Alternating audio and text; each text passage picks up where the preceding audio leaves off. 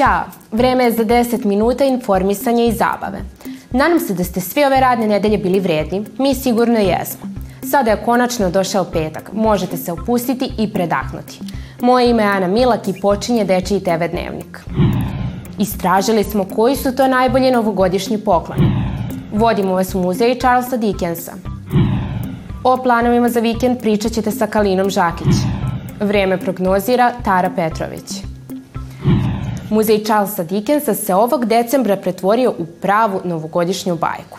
Svi posjetioci imaju priliku da vide kako je ovaj poznati pisac proslavljao Božić i Novu godinu zajedno sa svojom porodicom. Hajde zajedno da pogledamo u kom prostoru je on napisao neke od svojih najpoznatijih dela, poput Olivera Twista i Božićne priče.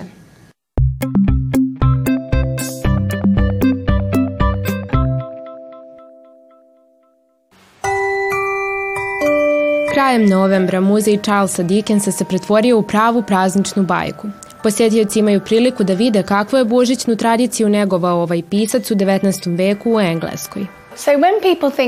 Kada ljudi pomisle na Dickensa, odmah im na pamet padne i Božić. To je verovatno zbog njegove božićne priče, koja je i dalje jedna od najpopularnijih priča vezanih za Božić. Ali tu veliku ulogu igra i radost koju je Dickens imao povodom Božića. On je obožavao da ga slavi. Voleo je proslave, zabave, igre i božićnu trpezu. Iz priče njegove čerke saznali smo da je Charles Dickens uvek uzimao slobodnu nedelju u oči Božića. Obožavao je da dekoriše hranu i čitavu trpezu. Taj praznični duh je trajao tokom čitavog njegovog života, a uočljiv je i u njegovim knjigama.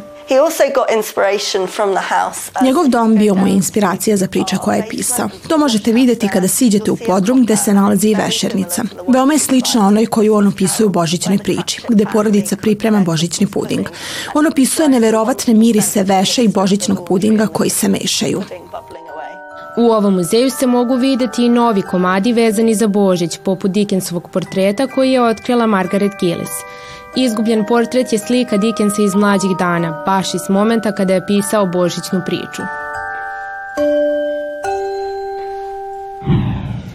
Ne znam za vas, ali ja obožavam sve novogodišnje praznike.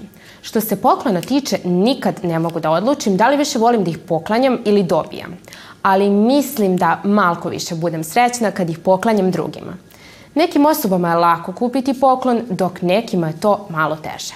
Zato ako nemate ideju šta da poklonite nekome, imaju je đaci trećeg razreda osnovne škole. Pa možda mi je najbolji poklon kad ga možda sami napravimo. Vela bih da dobijem neku šminku i i neku plešanu igračkicu sa kojom ću, ću da spavam. Na primer knjigu neku ili, ili neke igračke. Po meni su najbolji pokloni da mi sestre naprave neku čestitku. Za decu neke igračke, a za odesle parfemi ili tako nešto. Pa za decu su mi neke društvene igre, knjige i tako nešto slično, a za odrasle, pa ne znam, moja mama voli neke šoljice, da kupim neku igračku za što mogu da se igram po ceo dan, mada pola sata ili tako. Ako do sad nemate neki plan kako da provedete ovaj vikend, u pomoć vam priskače Kalina Žakić. Naša reporterka uvek ima sjajne ideje gde možete ići i prati sve najaktuelnije događaje u gradu. A šta je pripremila za ovaj vikend saznaćete u narednih nekoliko minuta.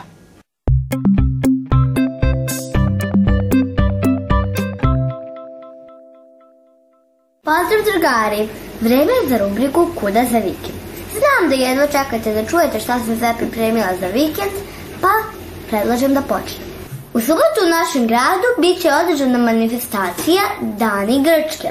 Svi koji dođu tamo imaće priliku da saznaju više o grčkoj kulturi i da uživaju u izlož, izložbama grčkih umetnika. A što se adrese tiče, Arhiv Vojvodine, Žarka Vasiljeva 2a. Decembar je već uveliko počeo. Mene to asocira na sneg i zimu. Ako vi delite mišljenje sa mnom, mislim da je vreme da odete na spansma klizanje. Sa svoje, možete pozvati svoje drugare, a ja sam rezervisala klizaljke, pa se vidimo tamo. I u bioskopu je počela sezona praznika. Pa imam više crtača nego inače.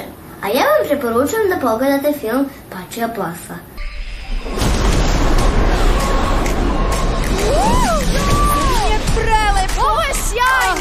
možda da im se javimo? Bravo! Da si pričao sa devojkom. Devojkom? Hoće da je oženi. Šta? Nisam to rekao. Rekao si, ali očima. Udara me, udara!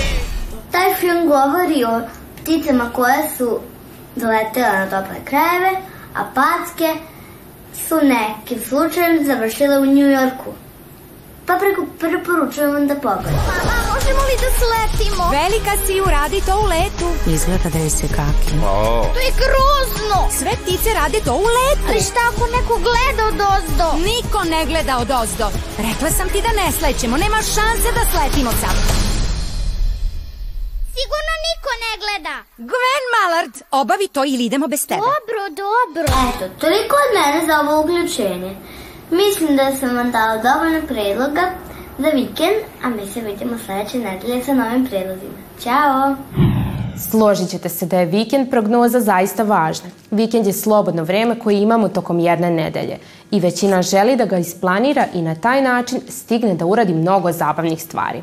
Zato u našoj emisiji svakog petka možete čuti pouzdanu vikend prognozu.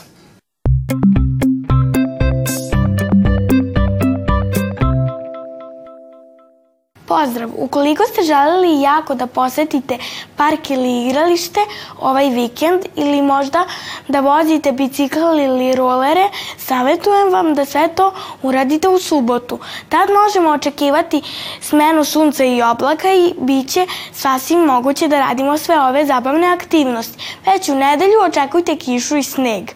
Svakako sad pred kraj polugodišta vrijeme je da zagrijemo stolicu, tako da je nedelja idealan dan za domaće zadatke i učenje.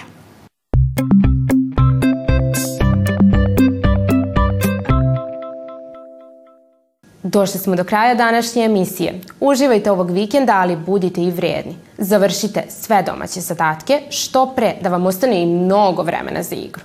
Ipak se približava kraj polugodišta i treba sve svoje obaveze polako da privodimo kraju. Svakako imamo ceo zimski raspust da iskoristimo za druženje i granjac. Hvala vam dragi naši gledaoci, a mi se vidimo uskoro. Doviđenja!